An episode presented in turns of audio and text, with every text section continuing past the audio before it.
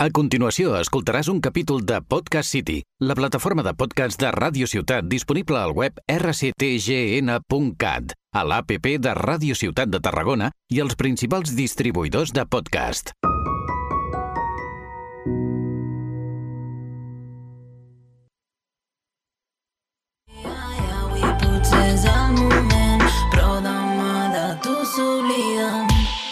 Créixer confiant en el demà, però en el demà nosaltres. Hola i benvinguts a Posem Nom, el podcast dedicat, tal com diu el seu títol, a descobrir algunes de les dones de la història en tots els àmbits de coneixement possibles, que han estat reconegudes pels seus descobriments o obres. Algunes d'elles no es reconeixen perquè van signar els seus projectes amb els noms dels seus marits. D'altres els hi van ser robats, o es van fer famosos per homes que no els hi van donar crèdit, o perquè al segle on vivien ni tan sols era possible a la ment d'aquella societat que les dones poguessin fer-ho. Com tal ja sabeu, mitjançant les xarxes socials de arroba posem nom, tant a Instagram com a Twitter us dono algunes pistes sobre quina serà la següent protagonista. Perdó, aquest petit moment de spam, com li vulgui dir, que faig sempre. bueno, espero que hagueu pogut llegir eh, les pistes que us vaig donar i endevinar la protagonista d'avui. Per la gent que no les ha llegit, us les repeteixo i així us poseu una miqueta en context. La dona d'avui està ciutada una altra vegada, sí, ja sé que sóc molt pesada a l'edat antiga, ja passarem més endavant, no us preocupeu, però és que hi ha molta gent i vull parlar de la major dones possibles. Bueno, a lo que estàvem. Edat antiga, imperi romà, ja hem caigut una mica, ja no és Grècia, és imperi romà, i ara és concretament a la província d'Egipte. En aquell moment sí, Egipte era una província romana.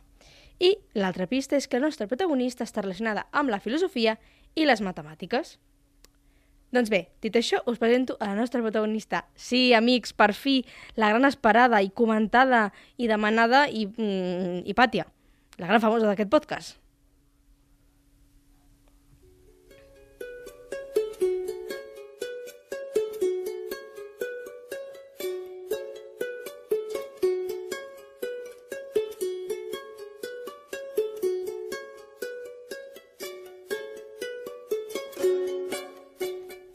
Nascuda entre el 355 i el 370 i morta al 415 després de Cris Alexandria, capital de la província romana d'Egipte. Hipàtia es pot considerar egípcia, a l'haver doncs, nascut a Alexandria, romana, perquè en aquella època doncs, Egipte era una província de Roma, i grega per la seva educació. Doncs bé, Hipàtia, com molts sabeu, va ser una filòsofa, astrònoma, mestra neoplatònica, que és un corrent filosòfic que pretenia doncs, revitalitzar el platonisme, que és, doncs, com us podeu imaginar pel títol i pel nom, doncs, una filosofia que surt eh, dels ensenyances de, de Plató. I, a més a més, Hipàtia va ser una de les primeres dones matemàtiques que en tinguin constància de la història. Bé, us preguntareu per què vinc a parlar d'ella. Doncs aquesta vegada és per dos motius. El primer és que, per desgràcia, molta de la seva fama està relacionada amb la seva tràgica mort, que ja l'explicaré més endavant. Vull dir, perquè el morbo el deixem ja més endavant, perquè si no, i només ens centrem en això, malament anem. I la segona és que per mm, d'aquest misticisme que hi ha entorn la seva mort i a la seva vida també, és un misteri i les úniques fonts que hi ha doncs, són escrits dels seus deixebles. I això fa que doncs, les dades verídiques s'hagin barrejat amb aquest misticisme o aquestes llicències poètiques que simplement han reduït la seva figura a doncs, ser una màrtir de la ciència i una víctima del fanatisme religiós. Però bueno, el que jo vull realment centrar-me és en les coses positives de la seva figura, que és realment lo important, no podríem dir. I és que Hipàtia és coneguda per escriure sobre geometria, àlgebra, astronomia, també per millorar els dissenys dels primers astrolabis, sí, aquests instruments per veure les posicions de les estrelles, i també va inventar un densímetre. Bé, una gran contribució a que Hipàtia doncs, fos el que ha estat la gran figura és el seu pare, Taó, que era doncs, un matemàtic i astrònom també, el qual donava classes a la biblioteca del Serapeu.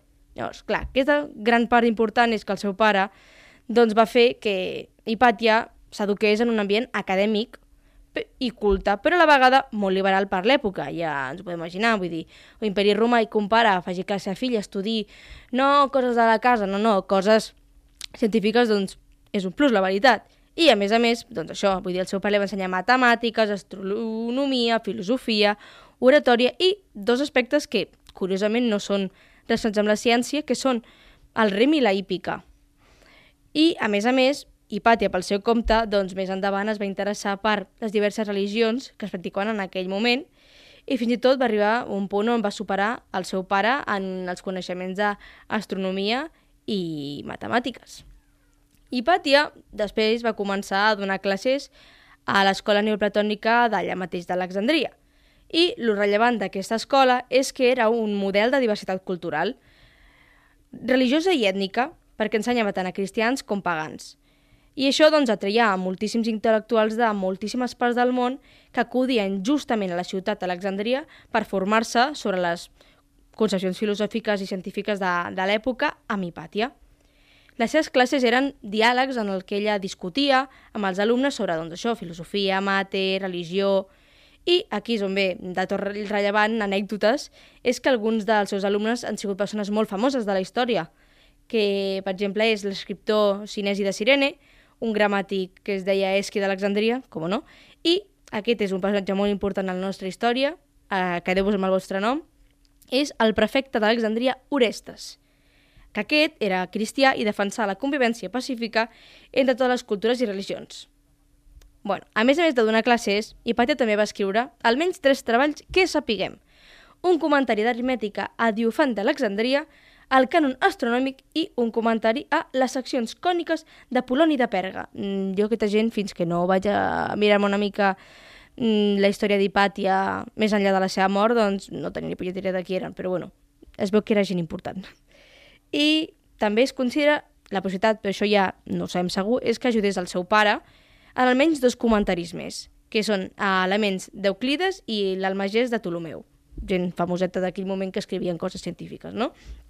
Llavors, aquí vinc a parlar d'una cosa que m'ha molestat una mica i és que hi ha una llegenda entorn a la seva vida personal i és que suposadament va estar doncs, casada amb un altre filòsof, un tal Lichudor, i que eh, ella, al ser científica, doncs, eh, li tenia culte als déus pagans. Bueno, aquí ja no hi ha cap prova que fos seguidora d'aquests mm, déus, però bueno, tampoc no podem dir el contrari, no?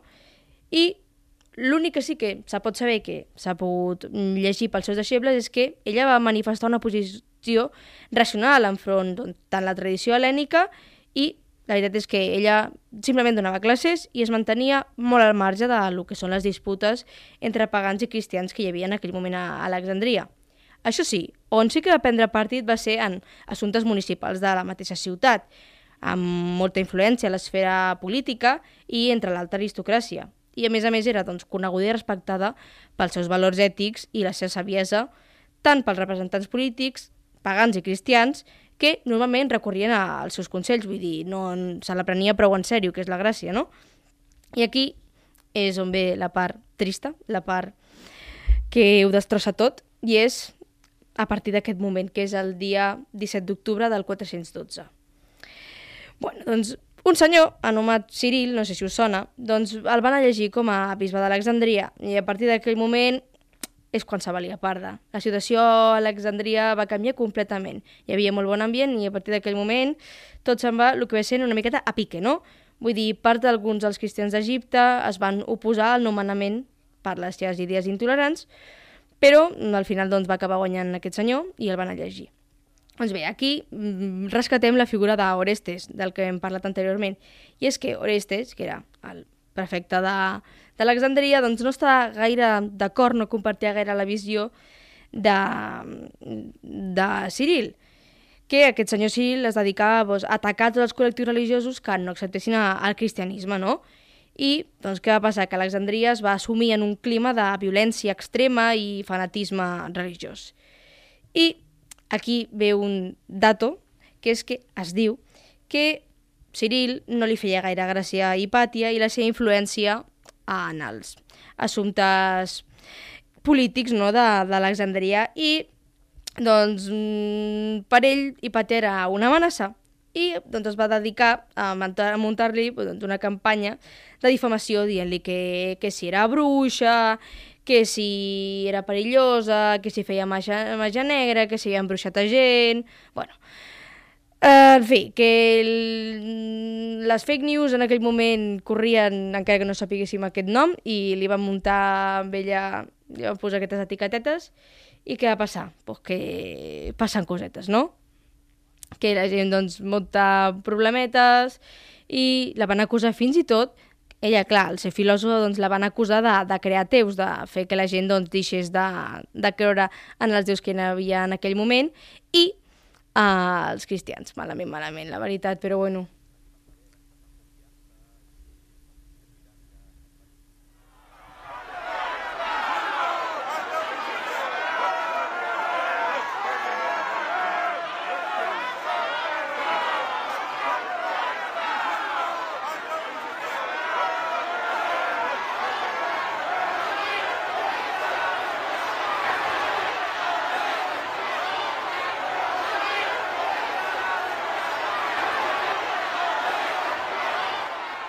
Malauradament, al final Hipàtia doncs, no va estar... La seva mort no va estar a l'altura de, la, de la seva persona. Hipàtia va ser llançada fora del seu carruatge, colpejada i arrossegada per tota la ciutat fins a arribar fins al Cesareu, un dels temples més importants d'Alexandria, per una turba de cristians instigats, supuestament, per Ciril. No contents amb això, van agafar, la van despullar, la van colpejar una altra vegada amb pedres i teules fins a esquarterar-la i van passejar les seves restes per tota la ciutat fins a arribar a un crematori on les van incinerar i les van llançar por ahí. Què sabem d'aquí? Doncs que Hipàtia, doncs, amb tot aquest xou, doncs, la va palmar, lògicament, es va morir, i més que morir, la van assassinar, que és, doncs, hem de fer, para, fer servir paraules correctes, no? Doncs bé, què es diu? Que el seu assassinat va ser conseqüència d'un conflicte realment de poder civil entre Orestes i l'eclesiàstic de Ciril, i no simplement una confrontació entre pagans i cristians, no? com s'ha defensat durant molts anys.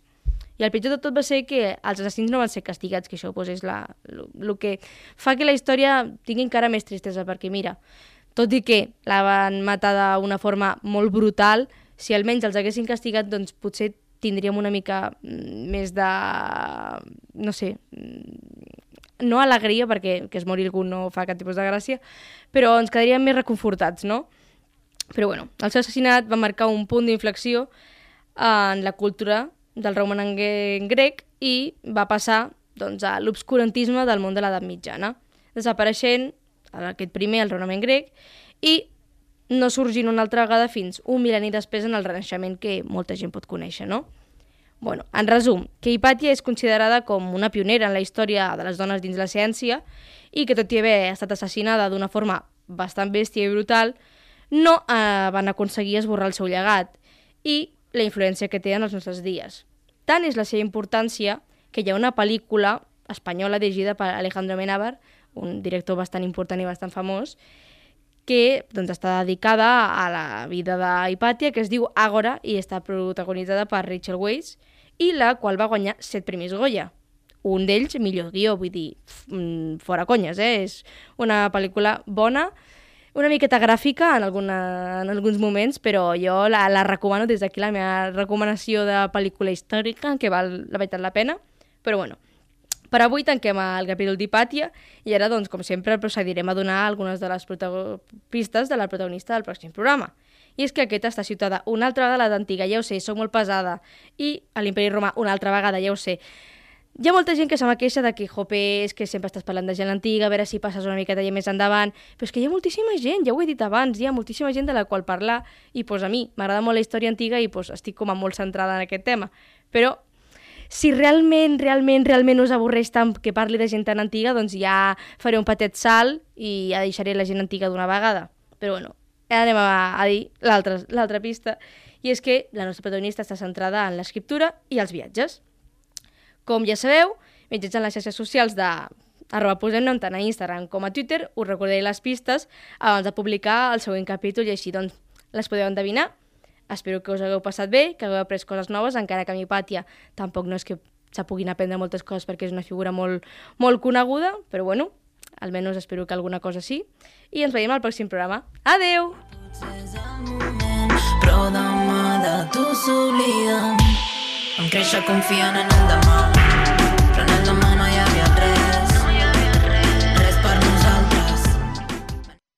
Has escoltat un capítol de Podcast City, la plataforma de podcast de Ràdio Ciutat disponible al web rctgn.cat, a l'APP de Ràdio Ciutat de Tarragona i els principals distribuïdors de podcast.